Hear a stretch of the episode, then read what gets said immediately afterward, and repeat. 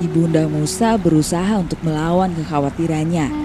Dengan hati yang berat dan berderai air mata, ia menghanyutkan Musa yang masih bayi itu ke sungai Nil. Dalam sekejap, kotak kayu yang berisi bayi Musa itu terlihat mengayun-ngayun dibawa oleh aliran sungai Nil yang deras. Dan lambat laun kotak itu tidak nampak dan hilang dari pandangan. Worldwide Production present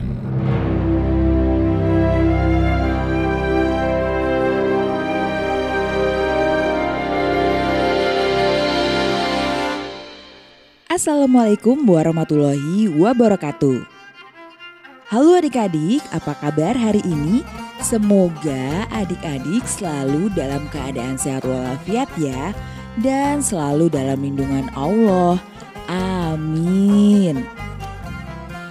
Di episode sebelumnya, Kak Yaya bercerita tentang kelahiran Nabi Musa alaihi salam di mana ibu dan ayahnya menghanyutkan Musa bayi ke sungai Nil.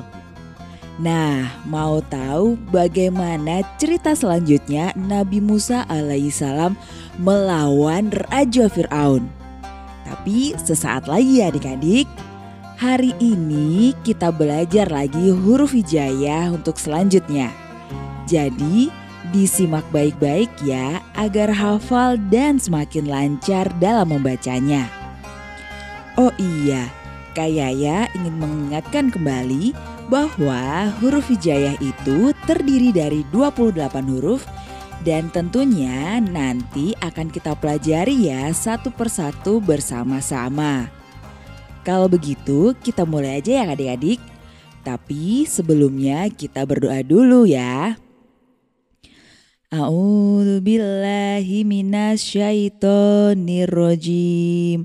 Bismillahirrohmanirrohim Robbi zidni ilma warzuhni fahma waj'alani minasyolihin Bismillahirrohmanirrohim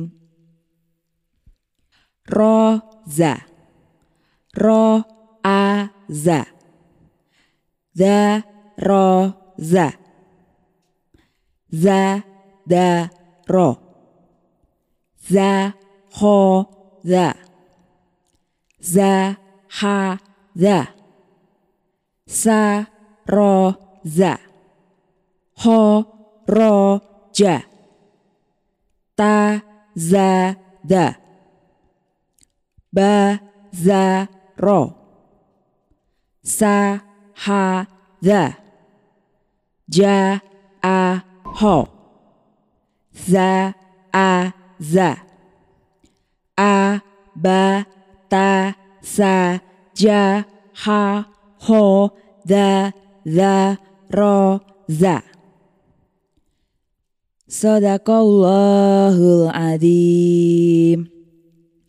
Nah, bagaimana adik-adik? Sudah bisa belum? Jangan lupa ya, adik-adik harus terus berlatih agar lebih lancar lagi pelafalannya. Insya Allah besok kita akan melanjutkan belajar mengaji lagi ya adik-adik. Dan sekarang Kak Yaya akan melanjutkan cerita tentang kisah Nabi Musa alaihi salam. Seperti apa kisahnya?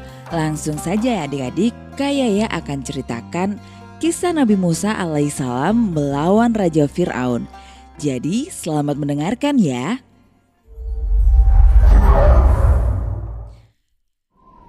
Setelah Musa beranjak dewasa, ia pun menjadi putra mahkota. Dengan mudah ia dapat menikmati semua kemewahan yang ada di istana. Akan tetapi, semakin beranjak dewasa, Musa semakin sadar dengan perilaku ayah angkatnya yang sangat kejam. Raja Fir'aun selalu menindas rakyatnya, bahkan berlaku sangat tidak adil terhadap rakyatnya. Ia memperlakukan rakyatnya sebagai budak. Pada saat itu, Musa merasa semakin sedih setelah mengetahui bahwa ia adalah orang Bani Israel. Ia ingin sekali melawan Firaun, akan tetapi juga ia merasakan kebimbangan karena Firaun telah merawat dan membesarkannya dari kecil. Haruskah aku membela Bani Israel dan menentang ayah angkatku sendiri? Tapi Allah telah menetapkan bahwa Musa adalah utusannya yang kelak akan menyelamatkan kaum Bani Israel. Musa ditugaskan untuk mengingatkan Firaun atas kezoliman yang ia lakukan dan mengajak Firaun kembali ke jalan yang benar.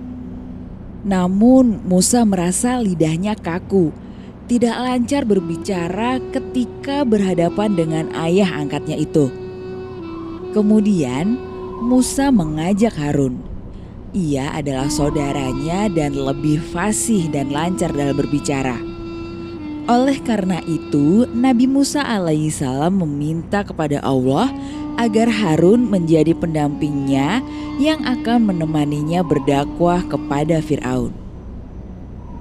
Kemudian, mereka berdua pun pergi bersama-sama menghadap Firaun. Apa? Berani-beraninya kalian mengingatkanku. Tidak tahukah kalian bahwa aku ini adalah Tuhan kalian? Tidak. Allah lah Tuhanku yang sebenar-benarnya, pemilik langit dan bumi. Kepadanya lah kita harus menyembah.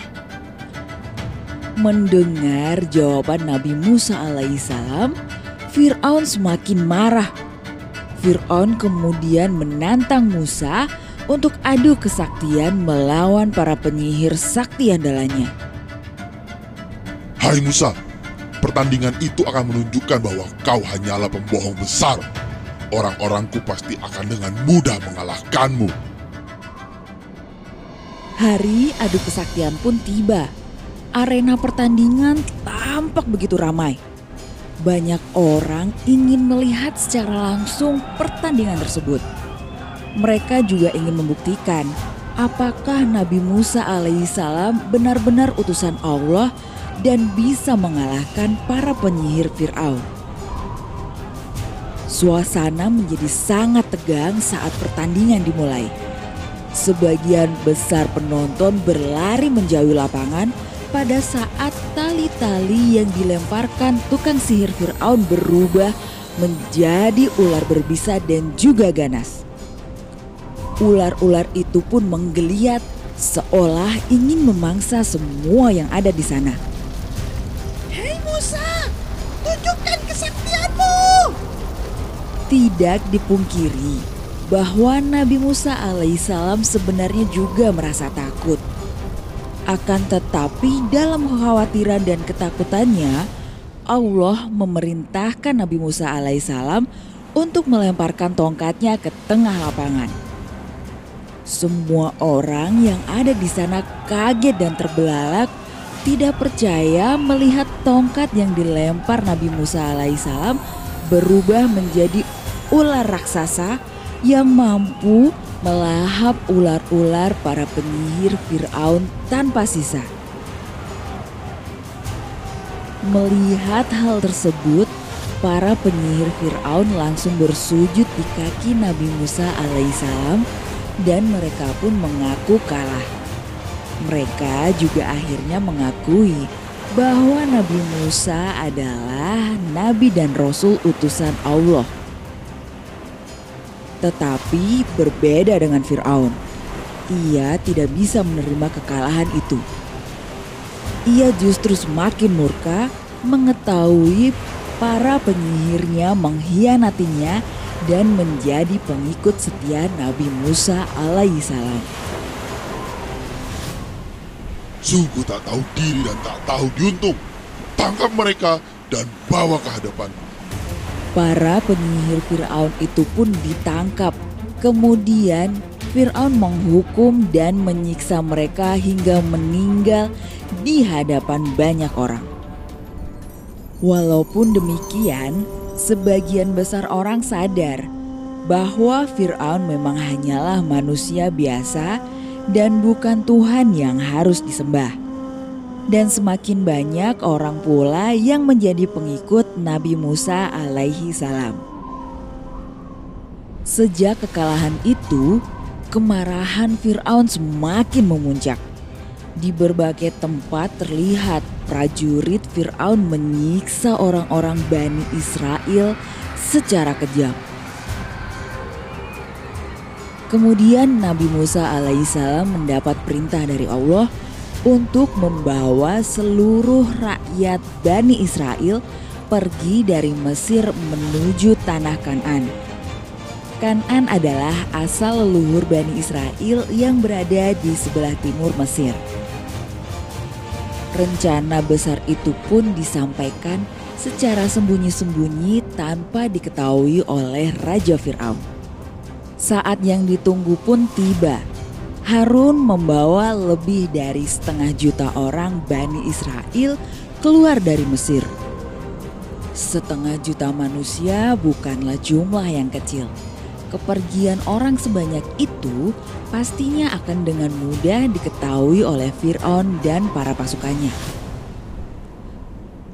Wahai Musa, Firaun dan pasukannya berhasil menyusul kita. Lihatlah di sana, Begitu banyak jumlah mereka. Akankah hidup kita berakhir di tepi Laut Merah ini? Atau kita akan dibawa ke Mesir dan dihukum di sana? Pada saat itu, Nabi Musa alaihissalam dan orang-orang Bani Israel berada di tepi Laut Merah, laut yang memisahkan daratan Afrika dan juga Asia. Mereka terjebak karena di depan mereka adalah lautan. Sementara di belakang mereka dari kejauhan terlihat Fir'aun dan pasukannya. Dalam situasi tersebut, Nabi Musa alaihissalam sempat kebingungan. Tidak ada pilihan lain selain menyeberangi lautan itu. Akan tetapi apakah itu mungkin beliau lakukan? Bagaimana mereka bisa menyeberang, sedangkan laut yang ada di hadapan mereka sedang pasang? Nabi Musa alaihissalam lalu berdoa, memohon pertolongan kepada Allah Subhanahu wa taala. Kemudian Allah memerintahkan Nabi Musa alaihissalam memukulkan tongkatnya ke lautan. Seketika Laut Merah terbelah menjadi dua, membentuk jalan di antara kedua lautan itu. Nabi Musa alaihissalam dan orang-orang Bani Israel pun segera melintasi jalan tersebut. Ayo cepat, cepat.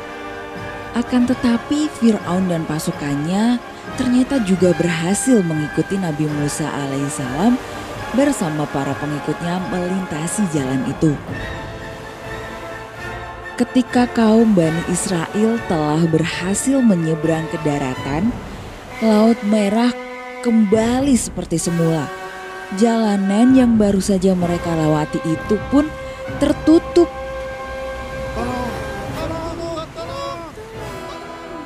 Gelombang besar lautan dengan cepat menggulung, Fir'aun dan pasukannya pun mati tenggelam di dasar laut tersebut. Pada saat itulah Allah telah mengakhiri kekejaman dan kezoliman Fir'aun di muka bumi. Nah adik-adik itu tadi adalah kisah perlawanan Nabi Musa alaihissalam terhadap Raja Fir'aun yang sangat kejam. Allah telah menjaga Nabi Musa alaihissalam dan para pengikutnya. Yang bisa kita petik hikmah dari cerita tersebut adalah kegigihan Nabi Musa alaihissalam dalam melawan kekejaman Raja Fir'aun. Nabi Musa alaihissalam yang selalu percaya akan kekuasaan dan pertolongan Allah. Adik-adik, sampai di sini dulu ya. Nantikan cerita-cerita selanjutnya di podcast Cerita Nabi dan Rasul ya. Kak Yaya akan menceritakan kisah-kisah lainnya. Kalau begitu, Kak Yaya pamit undur diri dulu ya. Insya Allah, kita akan bertemu kembali. Wassalamualaikum warahmatullahi wabarakatuh.